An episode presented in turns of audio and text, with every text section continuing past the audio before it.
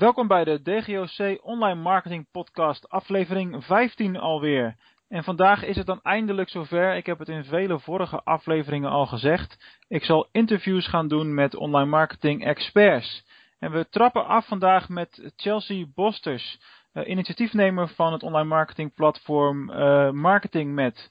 Uh, hallo Chelsea en welkom. Dankjewel, welkom. Leuk dat je in de, in de aflevering uh, mee wil doen en uh, in gesprek wil gaan met mij over online marketing. Kun je om te beginnen even vertellen wie jij bent en, en, wat je doet? Ja, dat kan zeker. mijn naam is Chelsea Bostes. ik ben 20 jaar, dus nog hartstikke jong. Ik ben online marketeer en eigenaar van marketingmet.nl. Dat is een online marketing platform gericht op de creatieve jonge online marketeers in Nederland en België. Uh, ja, Mark en ik, wij kennen elkaar natuurlijk omdat je ook een aantal keer voor ons hebt geschreven. Dus vandaar dat ook ja. die connectie zo is uh, gekomen.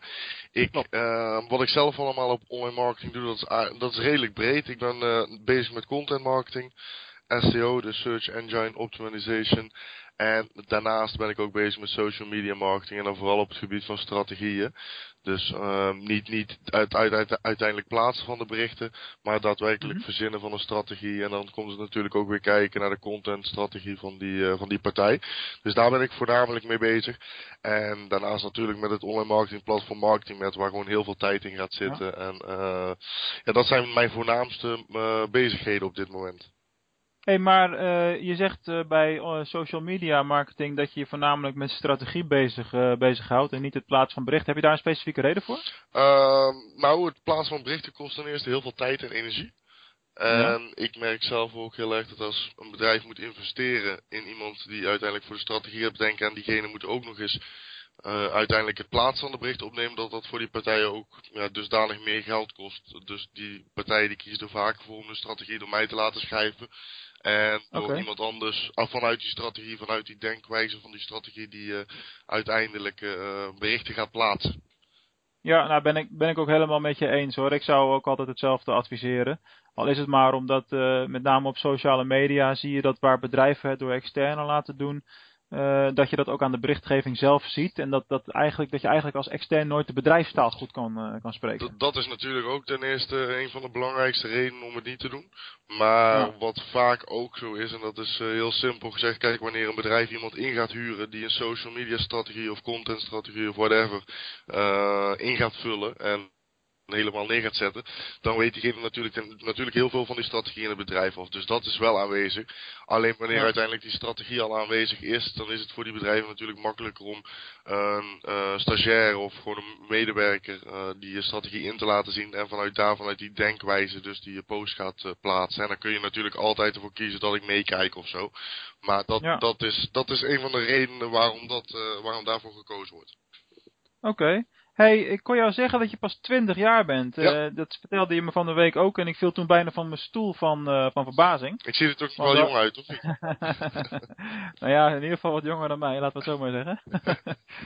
uh, maar ben je dan, doe je dat dan nu parttime? Doe je dat er dan bij, puur vanuit passie wat je doet? Of, of ben je nog in opleiding? Of hoe zit het? Nou, ik, ik doe het fulltime, dat sowieso. Ik ben gewoon ondernemer. En vanaf januari doe ik sowieso helemaal fulltime dit jaar, januari 2015. En ja, toen ik 17 was, toen ben ik begonnen met online marketing. Toen had ik een eigen webshop in Lifestyle Gadgets. Um, nou goed, dat is niet eens een succes geworden, maar dat was wel mijn introductie op het gebied van online marketing heel, en het complete wereldje. Dus dat was zeg maar voor mij die, uh, die binnenkomst. En toen heb ik ook gelijk gedacht van, joh, dit is precies wat ik wil, wil doen. Dus dat is uh, helemaal, uh, helemaal goed gegaan. Toen ben ik met marketing met begonnen en daar is een lange tijd gewoon niks uitgekomen qua inkomsten. Maar het platform groeide wel en mijn netwerk groeide ook enorm. Chelsea, kun je ook wat meer vertellen over uh, marketing met zelf? Want het is een online marketing platform. Nou ja, goed, ik schrijf er dan wel eens voor. En, en volgens mij vele tientallen auteurs ook, uh, ook met mij. Maar wat is nou het, het, doel van een, van een marketing met? Waarom zou je zoiets opzetten als je bijvoorbeeld ook zoiets hebt als, uh, als Frankwatching? Ja, dat, die vraag krijgen wij natuurlijk heel vaak. En ja, wij weten ook dat we heel vaak worden vergeleken met dat soort platformen. Dat is natuurlijk ook logisch, omdat je zelf over redelijk dezelfde onderwerpen schrijft. En ook de doelgroepen komen volgens mij aardig overeen met elkaar. Um, wat vanuit marketing met de reden is dat ik ermee ben gestart, dat, dat was echt de passie voor online marketing. Dus um, ik vond het echt geweldig om daarmee bezig te zijn en auteurs samen te brengen om kennis te delen. Dus mm -hmm. dat was eigenlijk echt de start van het bedrijf. En ik denk dat dat ook een hele goede, uh, ja, goede les is om iets te beginnen met je passie. En niet vanuit een gedachtewijze dat je geld wil verdienen. Maar echt van, ja, ik vind het leuk en ik ga ermee verdienen. Of beginnen en ik verdien er uiteindelijk geld mee. Ja. Dus dat was de gedachtewijze erachter. En ja, dat is, inmiddels is dat zo gegroeid. Uh, zoveel auteurs zijn erbij gekomen. Zoveel grote internationale online marketingbureaus, maar ook nationale online marketingbureaus die zichzelf als partner hebben aangesloten. Dat ja. dat inmiddels gewoon uh, ja, flink is gegroeid.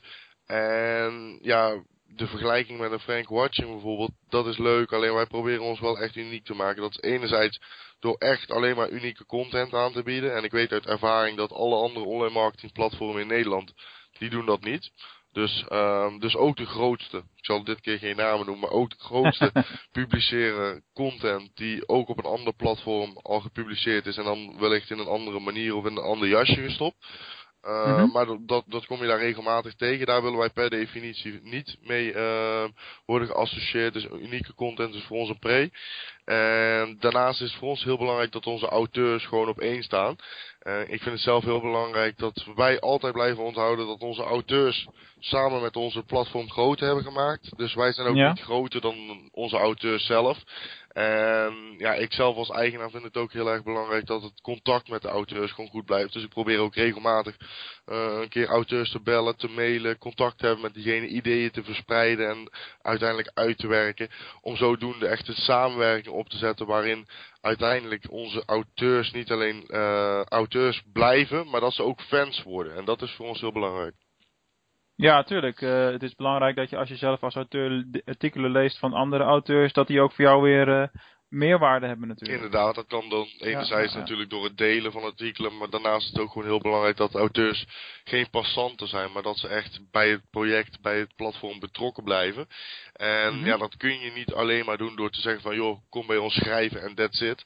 Maar dat moet je doen door echt goede kwaliteit te bieden, maar door ze ook te blijven betrekken in het proces, in het groeiproces van het bedrijf. Ja, precies. Want dat wilde ik net vragen. Van, goh, hoe hou je die auteurs er nou, uh, nou bij? Want je ziet natuurlijk heel vaak bij allerlei platforms dat auteurs wel één of twee keer iets willen, willen schrijven. Mm -hmm. uh, maar zij zien daar vaak niet direct iets voor, uh, voor terug. Nee. Hè? Ze investeren daar tijd in. Misschien dat er wat bezoek uitkomt. Maar als je dat heel commercieel gaat bekijken, duurt dat natuurlijk wat, wat langer. Mm -hmm. hoe zorg je er nou voor dat mensen gemotiveerd blijven? Dat, ja, dat is echt een van de misschien wel het lastigste punt van een uh, platform als marketing met runnen. Kijk, wanneer je een platform hebt die al enorme bezoekersaantallen heeft, uh, dan praat ik bijvoorbeeld over een uh, 100.000 plus per maand. Ja. Kijk, dan is het heel makkelijk om auteurs te werven, want ze komen automatisch naar jou toe en schrijven ja. puur alleen, en alleen al voor jou als ze horen dat ze 100.000 bezoekers kunnen bereiken. Ja. Um, ja, zo is het gewoon. En dan zit er niet eens bij die mensen een gedachte achter van, joh, ik wil er een goede samenwerking mee maken. Uh, waar wij het dus echt van moeten hebben, is het, uh, is het helpen van onze auteurs in het schrijven van die content. En ja, een goede samenwerking met ze hebben. Dus regelmatig contact met hen, af en toe evenementen, dat soort zaken. Ook af en toe mm -hmm. het uh, kunnen weggeven van gratis tickets voor grote online marketing events, dus betaalde online marketing events. Oh ja. En dan nog steeds, dan hou je nog steeds dat gewoon 60, 70 procent van de auteurs, dat je daar op een gegeven moment afscheid van neemt, of dat je er niks meer van hoort. Maar ja. je moet je blijven focussen op de kern van die groep. En uh, als die uiteindelijk bij je blijft, dan kun je die kern langzaamaan uitbreiden. Oké. Okay. Hey, ik hoorde jou net zeggen uh, dat uh, op het moment dat je met marketing met begon, uh, dat je het vanuit, vanuit passie hebt gedaan en niet direct met de doelstelling om daar je boterham mee te verdienen. Dat, dat kwam, kwam later. Um, dat, dat snap ik helemaal. Ik bedoel, ik was ooit uh, ook twintig en ben ook op die manier uh, begonnen met uh, mijn eigen webwinkeltjes en zo. He, dus ik weet precies waar jij staat. Maar stel je nou eens voor, je bent 10, 15 jaar later. je hebt een gezin, je hebt kinderen, een vrouw, hond, weet ik het wat allemaal. Mm. ergo, dat is waar ik nu, waar ik nu sta natuurlijk. Mm. Um, dan wordt je motivatie wellicht wel anders. of wordt de tijdsdruk anders, laat ik zo zeggen. Vanuit passie ondernemen heb je uh, met name op jouw leeftijd denk ik heel veel uh, kansen voor en heel veel tijd voor. Om iets echt op te bouwen. Dus als je die kans hebt, zeker doen. Echt te gek. Mm -hmm. Maar wat voor advies zou je geven aan mensen die uh, misschien 10, 15 jaar ouder zijn en die op dat moment zeggen, denken van nou, ik wil die baan niet meer of wat dan ook, ik wil als ondernemer verder. Maar die hebben vaak wat minder mogelijkheden om, om tijd te investeren. Mm -hmm. Doordat ze natuurlijk al een heel, ander, heel, leven daarbij hebben opgebouwd. Ja, ja begrijp ik. Mijn, mijn credo daarin is eigenlijk ondernemen is heel zwaar. Het wordt veel te vaak wordt het ook echt onderschat. Het is niet zomaar eventjes, ik ga eraan beginnen, maar je moet er echt vol met je hart voor gaan en alles voor geven. En daar zal ja. je ook gewoon veel voor moeten nalaten. Ik bedoel, het is zo dat als jij een onderneming wil starten, dan zul je af en toe gewoon wat minder tijd hebben voor de rest. En ja, ja daar moet je gewoon uh, offers voor maken. Zo simpel is het. Maar wat ik zeker wil adviseren, als je een ondernemer bent of je wil een ondernemer worden, uh, je zit vast in je huidige baan en je weet niet welke kant je op moet, dan zou ik zeker adviseren dat je je hart moet volgen. En ja. dat betekent niet direct dat je dan ook meteen maar moet doen zonder een goed plan te hebben. Maar mm -hmm. uh, volg je hart en doe wat je wil, want het leven is veel te kort. Heel simpel. Ja, dat is ook zo. Helder verhaal. Goed. Um, jij hebt een enorm netwerk opgebouwd uh, de laatste jaren sinds dat je met marketing met begonnen bent. Um, maar ik hoor ook vaak mensen zeggen van goh, een, groot netwerk is leuk, maar het gaat er uiteindelijk om wat je eruit kunt, uh, kunt halen. Hoe maak jij gebruik van je netwerk? Allereerst door vaak informatie te delen met mijn netwerk. Dus uh, dat betekent niet alleen dat ik informatie van hun verlang of dat ik mezelf nooit laat horen. Want je merkt heel vaak dat er mensen zijn die bijvoorbeeld het ja, het zakelijke social media platform in Nederland. Dat is natuurlijk LinkedIn, wereldwijd staat ook trouwens. Die, uh, die, die zeggen dat ze een groot netwerk hebben. Ik zeg iets, ze hebben een paar honderd, uh, ze hebben een paar honderd connecties, maar ze maken daar geen gebruik van. Dus dat betekent ze informeren die mensen niet, ze kijken er bijna nooit op, ze mailen nooit richting hun connecties, uh, plaatsen nooit een artikel op LinkedIn. Kijk, dat zijn allemaal grote kansen op het, op het gebied van LinkedIn marketing, dus het netwerkmarketing. En mm-hmm. nou, wat ik eigenlijk doe is puur het informa informatie aanbieden, dus ik deel mijn artikelen daar. Maar daarnaast schrijf ik ook via LinkedIn Pulse, dus, dus de blogmogelijkheid op LinkedIn. Uh, ja, laat ik daar heel eventjes op, uh, op inhaken, op het LinkedIn Pulse. Mm-hmm. ik denk dat heel veel mensen niet weten hoe ze een, een, een, bericht op die manier kunnen, kunnen posten. Met name in, in Nederland natuurlijk. Kun jij dat even uitleggen? Jazeker. Um, het was even zoeken. Maar wat blijkt nu wanneer jij de Nederlandse taal als, taal, als standaard taalinstelling hebt staan, dan krijg je de mogelijkheid sowieso nog niet. Maar wanneer je hem zou verzetten naar de Engelse taal als, uh, als taalmogelijkheid, dus alles staat in het Engels, dan kun je die optie wel krijgen. Ja. Um, ik heb tot nu toe in mijn netwerk heb ik een aantal mensen daarover geadviseerd. En er was er slechts mm -hmm. één van de zeg 15 die, uh, die die mogelijkheid niet heeft gekregen. Nou, dat zouden we dan mee te maken kunnen ah. hebben dat je profiel nog niet zo professioneel is, of dat je nog niet wordt gezien als een autoriteit. Dus, okay. dus je moet wel al een wat professionele profiel hebben. Maar als je hem dus inderdaad zet naar de Engelse taal, dan verwacht ik dat je op de, op de standaardpagina linkedin.com, dat je daar gewoon linksbovenin de blogmogelijkheid krijgt.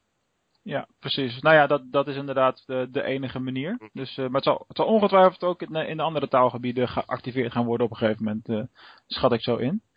hey, wat zijn nou de... Staat. Sorry? Dan denk ik niet dat ik begrijp wat er staat als ze hem in het Pools zetten bijvoorbeeld. nee, maar ja.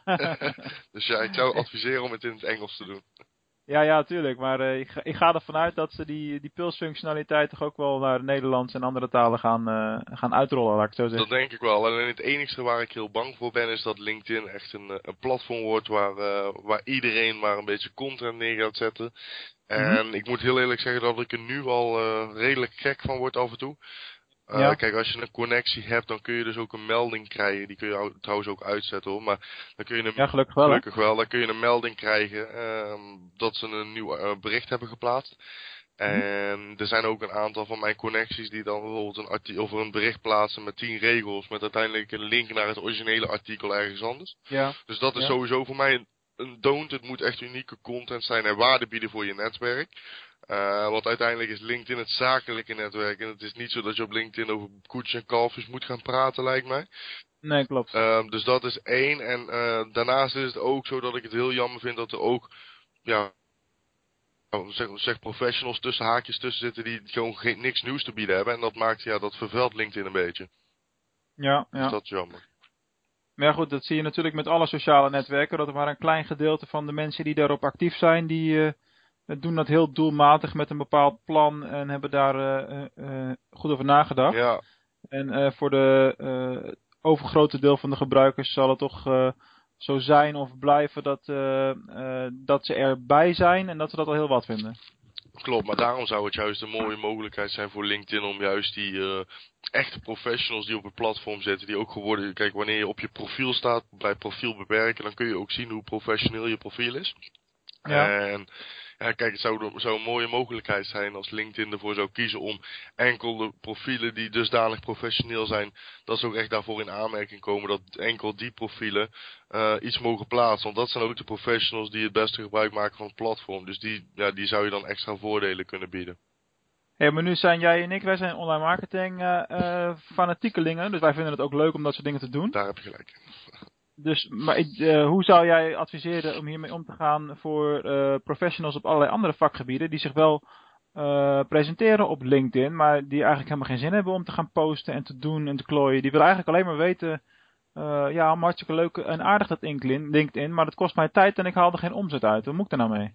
Ja, snap ik. Maar wanneer je er geen echt tijd investeert en wanneer je niet een goede strategie daarvoor hebt, dan zul je er nooit echt daadwerkelijk iets uit kunnen halen, denk ik. Of je moet toevallig iets, uh, iets kunnen zien. Uh, maar wat ik altijd adviseer, en dan kom ik ook weer terug bij de contentstrategie, wat eigenlijk overal voor een bedrijf belangrijk is. Maakt niet uit op social media, maar ook op het gebied van online marketing. Of voor jezelf als je privé gewoon uh, op LinkedIn uh, meer sales wilt behalen, dan zul je gewoon slim om moeten gaan met de strategie. En daar moet gewoon een, ja, dan, dan gaat het erover wat ga je publiceren, voor wie ga je het publiceren, wanneer ga je het publiceren. Uh, dat zijn dan allemaal vragen die je moet stellen. Maar allereerst is het gewoon belangrijk om je profiel helemaal up-to-date te hebben. En om gebruik te maken van alle mogelijkheden en kansen van LinkedIn. Ja, precies. Hey, wat zijn wat jou betreft de belangrijkste ontwikkelingen de afgelopen tijd op het gebied van uh, social media? Nou, er zijn er enorm veel. En dat, dat zal iedereen ook wel uh, herkennen en weten. Uh, mm -hmm. Wat heel erg belangrijk is sowieso, dat, uh, dat is al een tijdje gaande, is dat social media, de nieuwe social media kanalen steeds visueler wordt. Dus je ja. merkt heel erg dat het van een Facebook en een Twitter, waar het toch vooral tekst is, dat het nu langzaamaan gewoon uh, gaat naar, het, uh, naar afbeeldingen en video's. En zelfs ja. Facebook gaat er steeds meer in mee, want je hebt nu voortaan dat de video's zich automatisch afspelen. Uh, dat je advertenties kunt maken met video's erin. Um, en dat heb je op diverse andere kanalen ook. Dus het wordt steeds visueler. En dat komt voornamelijk omdat onze jongere doelgroep voor die kanalen, dus zeg waar ik in zit, jongeren tussen de 14 mm -hmm. en, en 24 die, uh, ja, die, die laten zichzelf heel graag zien. Die laten heel graag zien hoe goed ze zijn en waar ze mee bezig zijn en hoe leuk ze zijn. En uh, ja. ja. dat is gewoon het voordeel van een, uh, een kanaal als Instagram, om het maar eventjes te benoemen. Ja. Ehm, dat, dat is een van de redenen dus dat ze daarop zitten, is omdat het dus visueel is. En twee is omdat hun ouders er niet actief zijn. En ja, ja okay. dat is goed. Die verschuiving heb je natuurlijk om de paar jaar. Hè. Ja. Toen zijn ze van Facebook naar Instagram gegaan en, uh, en Snapchat en verzin het maar. Ja, maar daarom, mijn, mijn vader zit ondertussen ook op Facebook. En drie jaar geleden had hij nog geen telefoon. Ja, of had hij nog geen uh, smartphone. Dus uh, ja, het kan goed zijn dat, uh, dat onze ouders over een tijdje ook op Instagram zitten. En dan gaan de jongeren weer lekker ergens anders heen. Ja, dat, dat zit erin, ja. Denk ik ook. Oké, okay, en um, kijk, online, je had het er al over dat uh, met name binnen jouw leeftijdsdoelgroep uh, uh, laat men zich graag zien. En er wordt van alles gepost op de Instagram en Facebook en verzin het maar. Mm -hmm. Maar ik zat gisteren een beetje op jouw profiel te bladeren op, op Facebook. En um, ja, dat roept de vraag op, hoe bewaar jij je eigen online imago? Want ik zag tijdens het scrollen toch wel wat foto's voorbij komen. Waaronder een foto op een markt in Roosendaal. Met een hoofd door een bord heen. ja, ben je er dat, dat is een hele mooie. Ja, dat is voor mij een hele belangrijke. ja. Ben je ervan bewust alles wat ja, je online... Ja, nee, daar ben ik zeker van bewust. Ja, daar ben ik me zeker ook van bewust. Alleen wat ik heel erg belangrijk vind is dat ik mezelf ben. En ik vind het ook heel belangrijk dat ik de komende jaren voor mezelf een imago blijf ontwikkelen. Dat ik niet zomaar een, uh, een, ja, een doorsnee online marketeer ben. Ik vind het vakgebied van, ja, eerlijk gezegd, de online marketeers die er rondlopen, vind ik allemaal maar een beetje saai. Uh, ja, ja. En, uh, ja goed, ik ben volgens mij helemaal niet saai. En ik wil ook helemaal niet saai gevonden worden. En ik wil juist mezelf neer gaan zetten als iemand die uh, kennis van zaken heeft, maar gewoon tof is in de omgang. En uh, ja, gewoon een, ja, iemand normaals is. Kijk, we zijn allemaal, we hebben allemaal onze dingen en we hebben allemaal uh, ja, onze min- en pluspunten. Alleen, mm -hmm. ja, ik vind niet dat je alles zomaar hoeft te verbloemen. Omdat jij zomaar dan een online marketeer bent. Dat, uh, dus dat, dat is een van, mijn, een van mijn redenen waarom ik ook op mijn uh, social media kanalen. Uh, ook op Twitter bijvoorbeeld, waarom ik daar ook gewoon privézaken deel. Die helemaal niks met het zakenwereldje te maken hebben. Maar gewoon met mijn, ja, met mijn hobby's. Ja. Nee, dat is, ben ik helemaal met je eens. Helder verhaal. Ik doe dat wellicht ietsje anders als jij, maar ik doe dat zelf ook op die manier. Mm -hmm. Hey, je bent nu pas 20 jaar. En uh, dat is dus hartstikke jong. En in de online wereld gaan de ontwikkelingen onwijs snel. Daarom is het misschien ook een hele moeilijke vraag. Uh, waar zie jij jezelf over vijf jaar?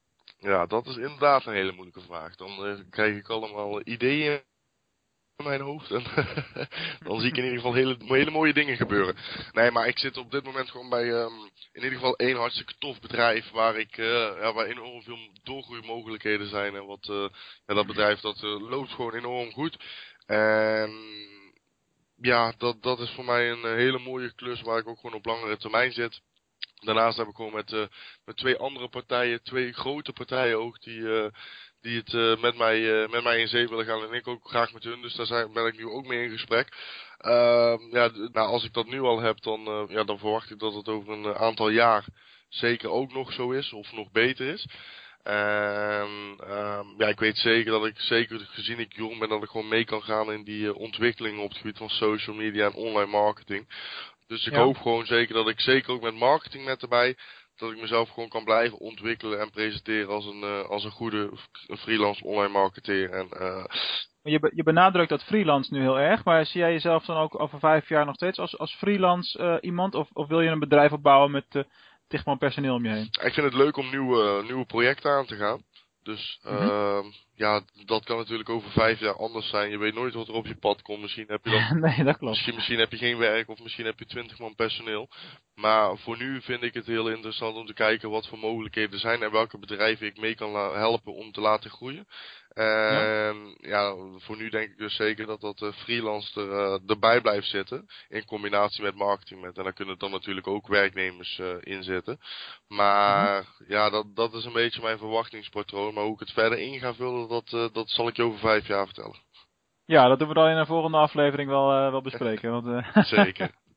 Hey, tot slot Chelsea, hartstikke tof gesprek. En ehm, uh, ik wil het altijd van iedereen graag even weten, dus natuurlijk ook van jou. Wat is op dit moment jouw hot topic gouden online marketing tip? Um, volgens mij ben jij ermee bezig, hè, Periscope. Ja, dat klopt. Daar ben jij ja, mee bezig. Ja, ja. Nou, ik ben er nog heel eerlijk gezegd te druk voor geweest om er mee bezig te zijn. Ik lees er natuurlijk veel over en ik, uh, hm? ik, ik hoor er natuurlijk veel over en ik heb ook eentje van jou geluisterd. En ik denk zeker dat het op het gebied van online marketing, dat het woord transparantie, dat dat de komende jaren um, heel erg belangrijk gaat zijn. Mensen die verwachten voortaan gewoon dat bedrijven steeds meer van zichzelf laten zien. Je hebt natuurlijk het webcare waarin sommige bedrijven zelfs doorslaan in hoe ze reageren. Hoe ze reageren op vragen en klachten en antwoorden. Ja. Uh, maar daar heb je ook hele mooie voorbeelden in. Nu heb je voortaan dan ook video, je hebt klantenservice, je hebt al die aspecten van online en offline marketing bij elkaar. Die een bedrijf dus zeg, tussen haakjes transparant moeten maken. Uh, mm -hmm. Maar ik denk dat het wel een van de belangrijkste keywords is de komende jaren. Dat je jezelf als bedrijf zijnde open op moet stellen. Uh, dat je veel contact moet hebben met je, met je netwerk. Uh, en dat je jezelf niet zo saai en stoffig op moet stellen als dat jouw branche misschien is als, als je een zorgverzekeraar bent. Kortom, neem jezelf ook niet te serieus. Neem jezelf niet te serieus en kijk inderdaad gewoon goed naar wie je doelgroep is. En ga voor hun aan de slag en niet hoe jij denkt dat je zelf aan de slag moet als bedrijf. Juist. Oké okay, joh, hartstikke bedankt, hartstikke tof gesprek. En uh, ik hoop dat je het uh, ook leuk vond en uh, dat je in de toekomst nog eens, nog eens terug wil keren. In ieder geval over vijf jaar, hè? Dat, is, dat is duidelijk. Ja. aan alle luisteraars, ik dank jullie weer voor, voor de aandacht. En de volgende aflevering verschijnt snel, over enkele dagen. En voor nu wens ik jullie allemaal nog een, een goede rit, een fijne wandeling of een fijne werkdag. Afhankelijk van wanneer je luistert.